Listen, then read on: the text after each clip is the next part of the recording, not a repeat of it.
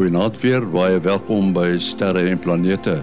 Ons het vir Mati Hofman hier en vir Willie Koorts om te gesels. Natuurlik oor sterre en planete.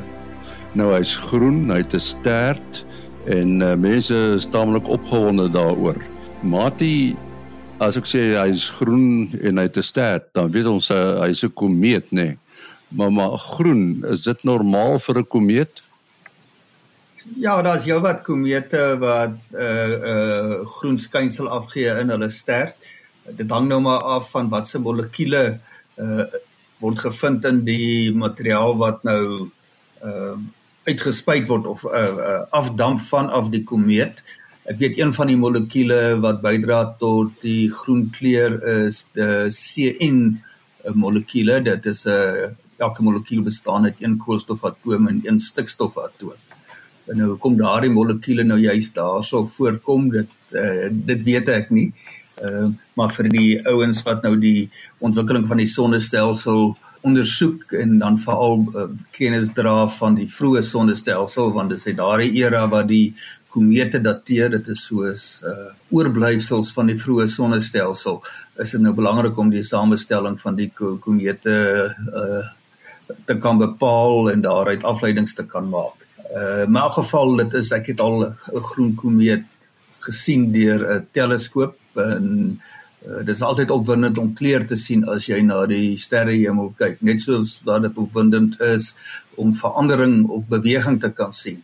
Uh want uh oor die algemeen sien ons nie eintlik beweging nie behalwe as jy goed lank genoeg dophou of jy gebruik maklike voorwerpe soos die maan en en so aan en dan as jy nou by sterre en planete kom dan moet jy hoë helderheid nodig vir jou oë vir jou kan uh, kleur uh, onderskei. Uh so dit help as jy nou nou die as jy die komeet nou net dof dof gaan sien uh of hy sien vir die blote oog sigbaar nie gaan jy uh lekker sterk verkyker of 'n teleskoopie nodig hê om die kleur uit te bring. Nou goed, uh wat die uh die komeet Uh, hy is hy is elke 50000 jaar of so sigbaar. So as jy hom twee maal wil sien, moet jy taamlik geduld hê. Uh, sal ons hom hier in Suid-Afrika kan sien? Ja, dit lyk toe nou nogal so. Ehm um, die komeet waarvan ons praat is natuurlik 'n uh, komeet uh, 2022 E3 ZTF. Uh, ZTF staan vir die Zwicky Transient Facility uh, waar vanaf hy ontdek is en ehm um, Die uh, komeet is op die oomblik in die noordelike halfrond sigbaar besig om stadig uh, helderder te word. Hierso so oor ehm um, ja, oor 'n week of so uh, beweeg hy naaste aan die son verby. By die einde van die maan die naaste aan die aarde. En dan begin hy vir ons gelukkig in die suidelike halfrond in beweeg en um, omtrent so van die begin hier by die 3de Februarie uh, uh gaan hy reg noord sigbaar wees nou nog na aan die um, aan die horison en dan en dan hier by die 10de beweeg hy verby Mars. Nou ja, mense wat nou nog nie vir Mars gesien het nie, uh, uh julle kan net vroeg aan noord kyk of noord oos nog op hierdie stadium uh sien julle 'n helder rooi voorwerp en uh, uh en die drie konings of Orion is nie ver daarvan af nie. Daar is die bil is daar ook in die omgewing ook met uh, rooi sterre. En dit is dan die ook die omgewing waardeur die uh, komeet uh, waar verby die komeet gaan beweeg. Um en uh, ongelukkig die die maan die maan is vol um ek dink is hier by die 6ste van volgende maand rond.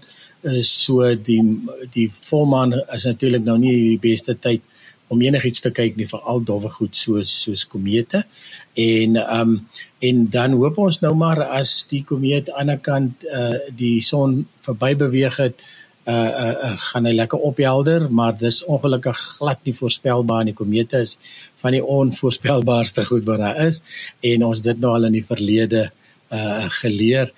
So ons ons hoop uh, dat hy daal uh, blote oog sigbaarheid gaan bereik die kanse uh, ons ja moeilik om te sê dalk net net net maar definitief in 'n verkyker. So dit is dit is al wat ons op hierdie stadium kan kan weet. Ons sal nou moet wag wat gebeur as die komeet aan die kant die son deur beweeg het. Hulle uh, wat nou gelukkig gaan ons gunstel, dit gaan maklik wees om uh, om hom te kan vind uh hierso van die 11de Februarie af omdat hy nou by uh by helder sterre en by Mars uh, en so aan verby beweeg. Uh so die luisteraars moet hulle nog net soekendig voorberei. Dit is iets besonders om te sien, maar met 'n bietjie moeite. Uh so berei jou sommer voor dat jy met die verkyker gaan kyk. Al kan jy met die blote oog sien, gaan jy net soveel meer sien as jy met 'n verkyker kyk. Hmm, ja, die. die jy was reg oor die volmaan. Die presiese datum is die 5de Februarie en op die 5de Februarie is hy nog taamlik ver noord. Nou mense merker wat jy daar kan gebruik is die helder ster Capella uh, wat een van die paar enkele helder sterre is wat ons taamlik ver in die noorde kan sien. Ehm um, maar omdat jy dan deur baie atmosfeer kyk en die maan nog uh vollerig is op daai stadium is dit nou nie die goeie tyd nie. So ek sou sê ons moet na mikkie van die 10de Februarie af. En dan nou interessant, hy gaan ek kan nou nie die presiese datum hier van die sterkaart af uh, lei nie, maar dit gaan hier so by die 15de Februarie gaan hy rakelings uh, naby Aldebaran die die rooi rooi register in uh in die kop van Taurus. Dit is daardie uh A-vormige groepie sterre. Wel, partykeer lyk dit soos A-vormig as hy op die een manier gedraai is en partykeer lyk hy V-vormig as op 'n ander manier gedraai is. So nader in die tyd kan ons nou net vir die luisteraars 'n bietjie opdateer en sê hoe an, hoe gedra sy helderheid hom. Ehm um, wat nou interessant is, mens kry nou ek noem dit nou sommer die vliegtyg effek. Uh as jy nou die komeet op die sterkaart kyk en jy kyk hoe ver hy teenoor die steragtergrond beweeg uh in sê nou maar 5 dae, dan word daardie afstand al korter totdat hy lyk of hy omtrent stil staan teenoor die sterre.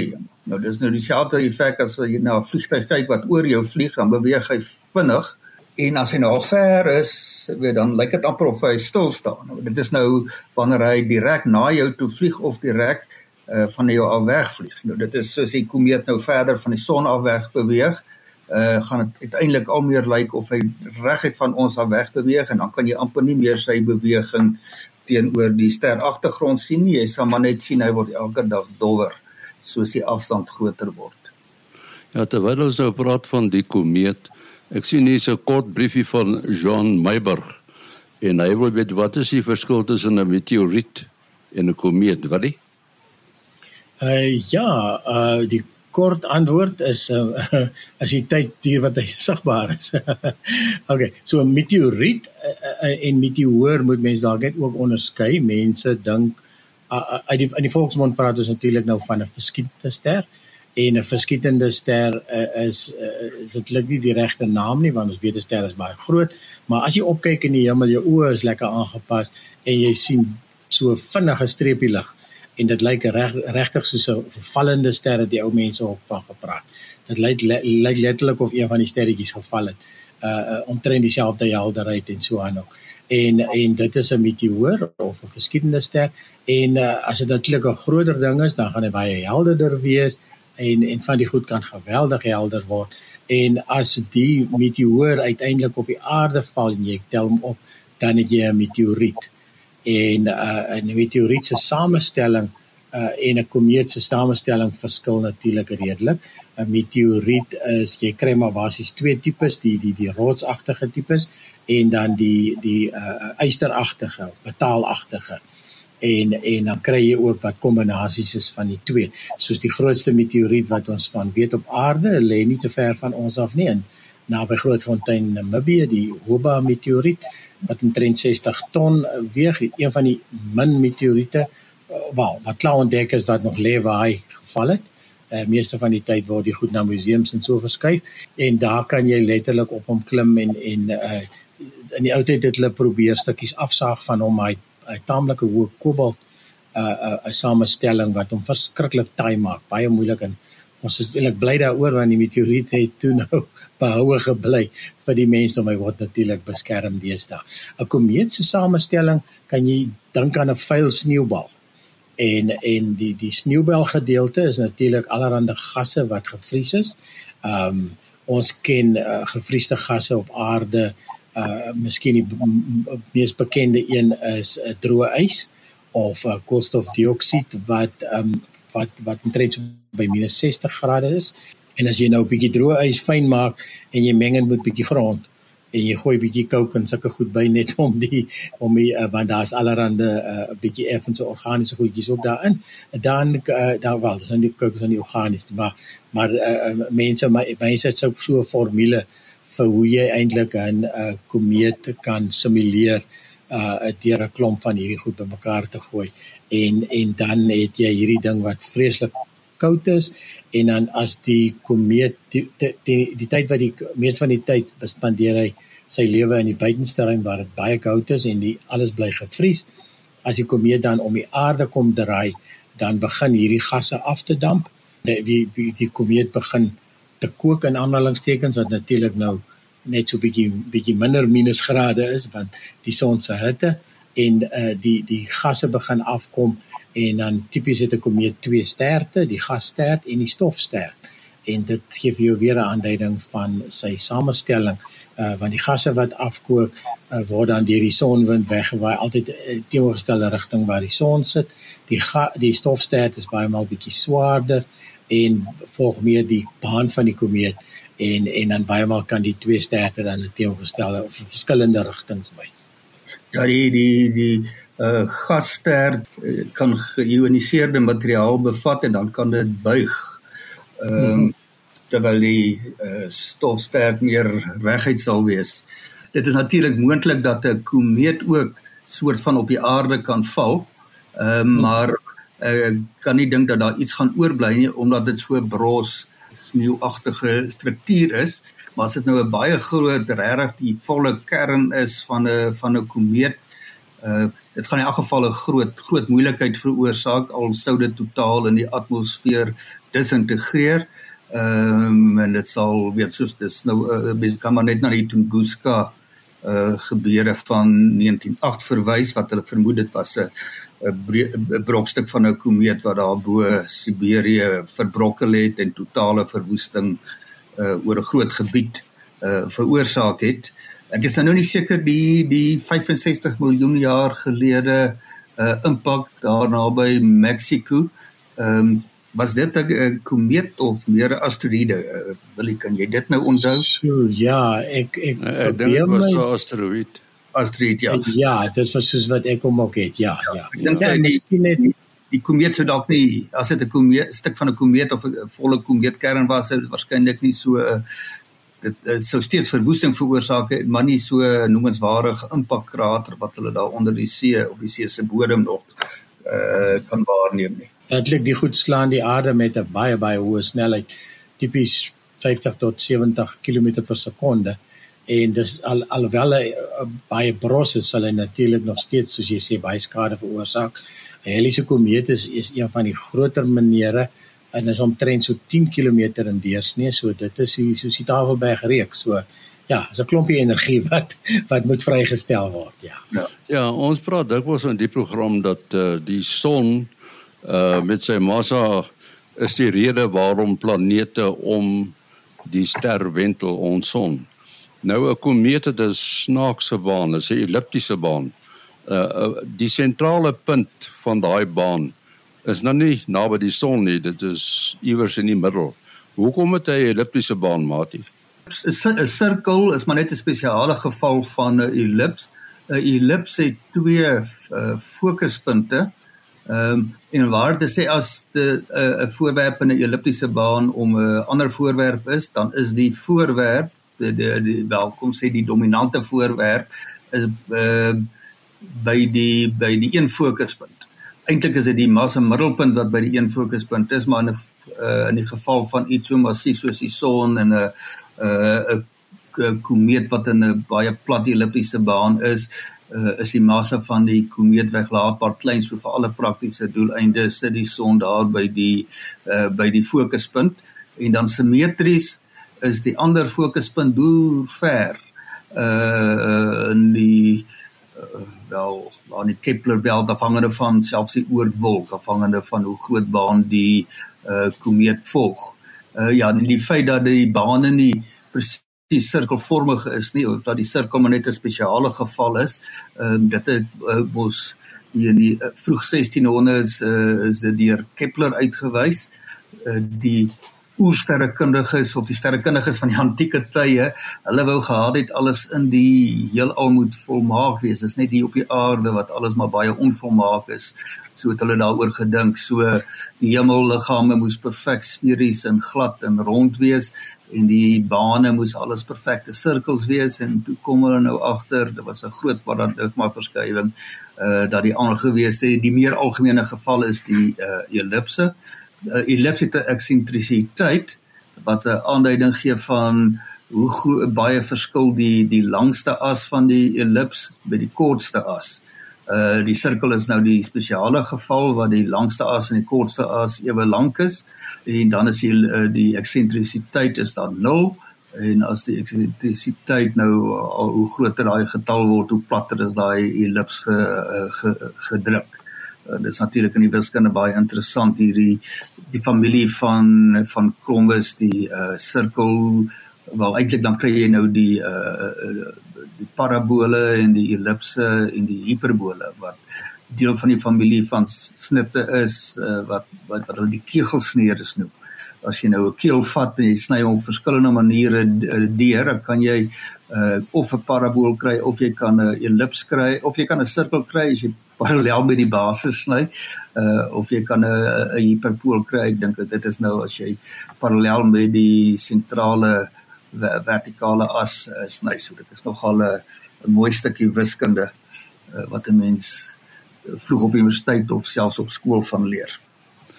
Wat die Andre van Sail uh die het 'n brief geskryf na alreeds van ons bespreking oor uh, die cosmic goal uh, wat uh, die vuurpyl gelanseer het van 'n vliegtyg af en uh, ons weet nou dat dit 'n mislukking was maar daar was ook satelliete op hierdie uh, vuurpyl wat bestem was vir die buitenste buitenste ruimte of iets van die aard.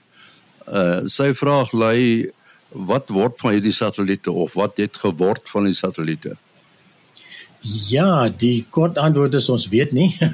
en ek dink die rede daarvoor is is van hierdie satelliete was militêre satelliete.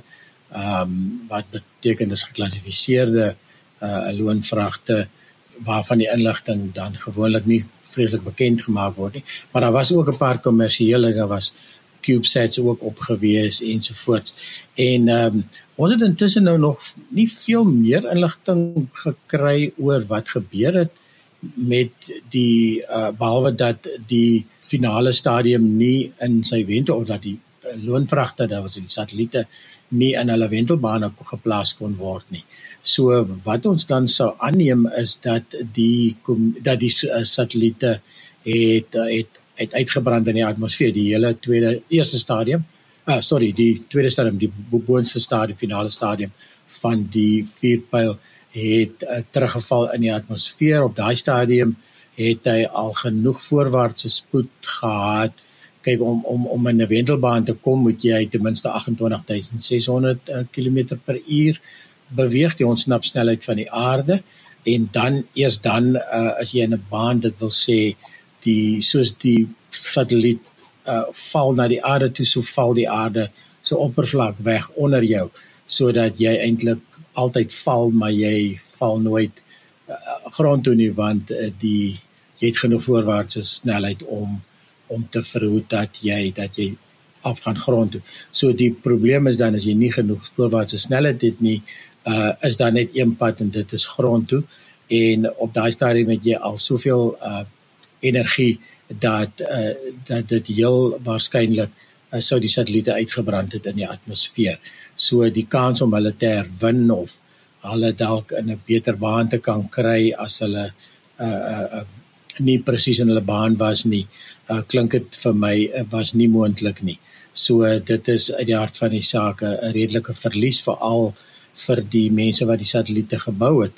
As 'n mens nou 'n bietjie daaroor nadink, baie maal kry jy dat uh, sulke satelliete het te doen met uh um, besighede firmas ons het laas week of of ja, nou weer gehoor van Dragonfly byvoorbeeld in Suid-Afrika wat ook satelliete bou en dit is maande en selfs jare se werk wat in so 'n satelliet ingaan behalwe nou nog die geld wat dit kos.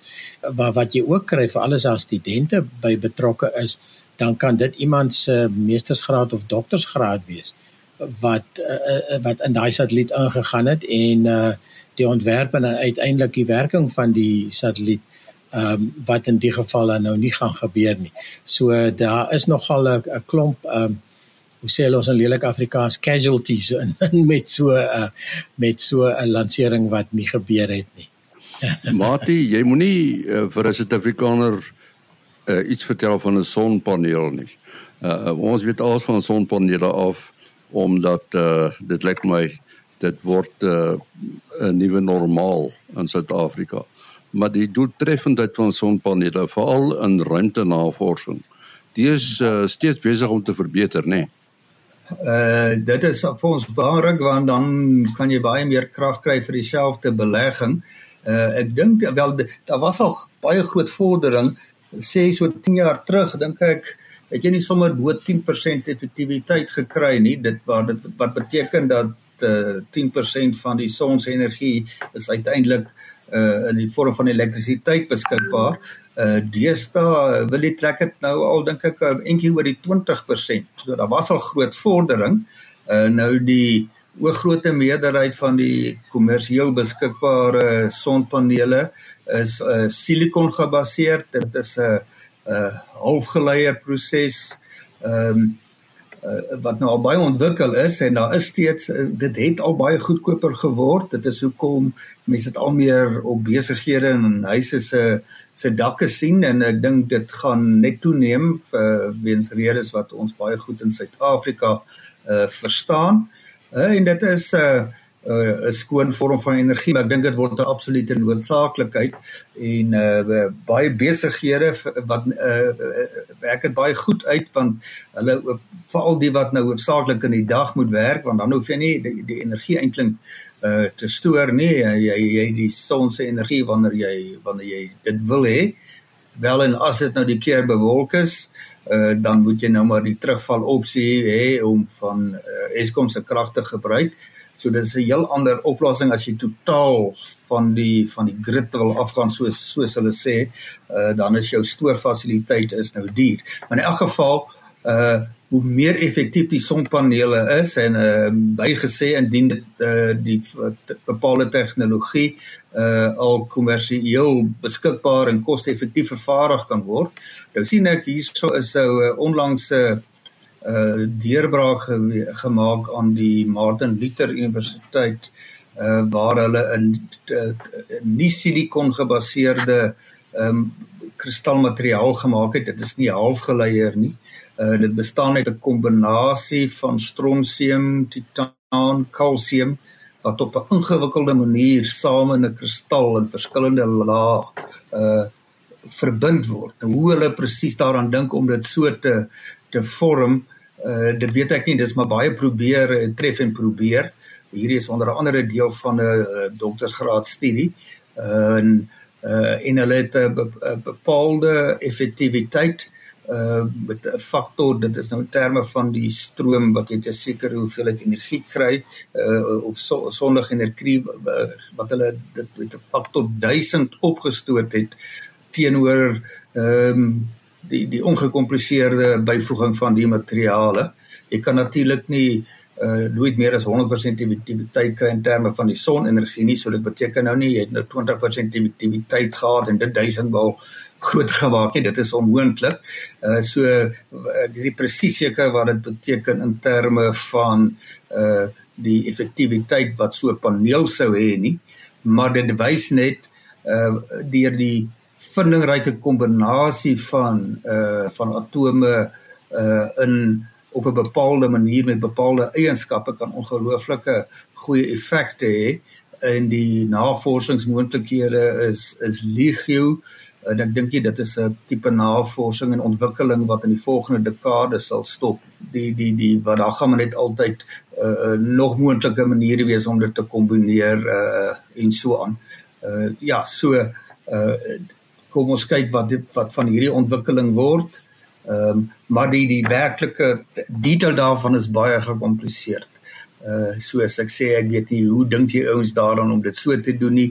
Dit moet die kollektiewe kennis wees wat van een geslag uh oorgedra word na 'n volgende geslag en elke keer doen hulle nog ietsie nuut uh so dit is 'n geweldige klomp manjare wat agter so 'n ontwikkeling lê. Ja, nou daardie ingewikkelde noot moet ons afsluit. Maar dit terwyl jy aan die woord is, jou besonderhede. Selfoonnommer 0836257154. 0836257154. En dan lê? Is 0724579208.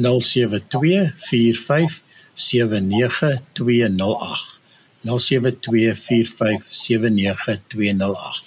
En die program se e-posadres is sterreplanete@gmail.com. sterreplanete@gmail.com. Tot volgende keer. Alles van die beste.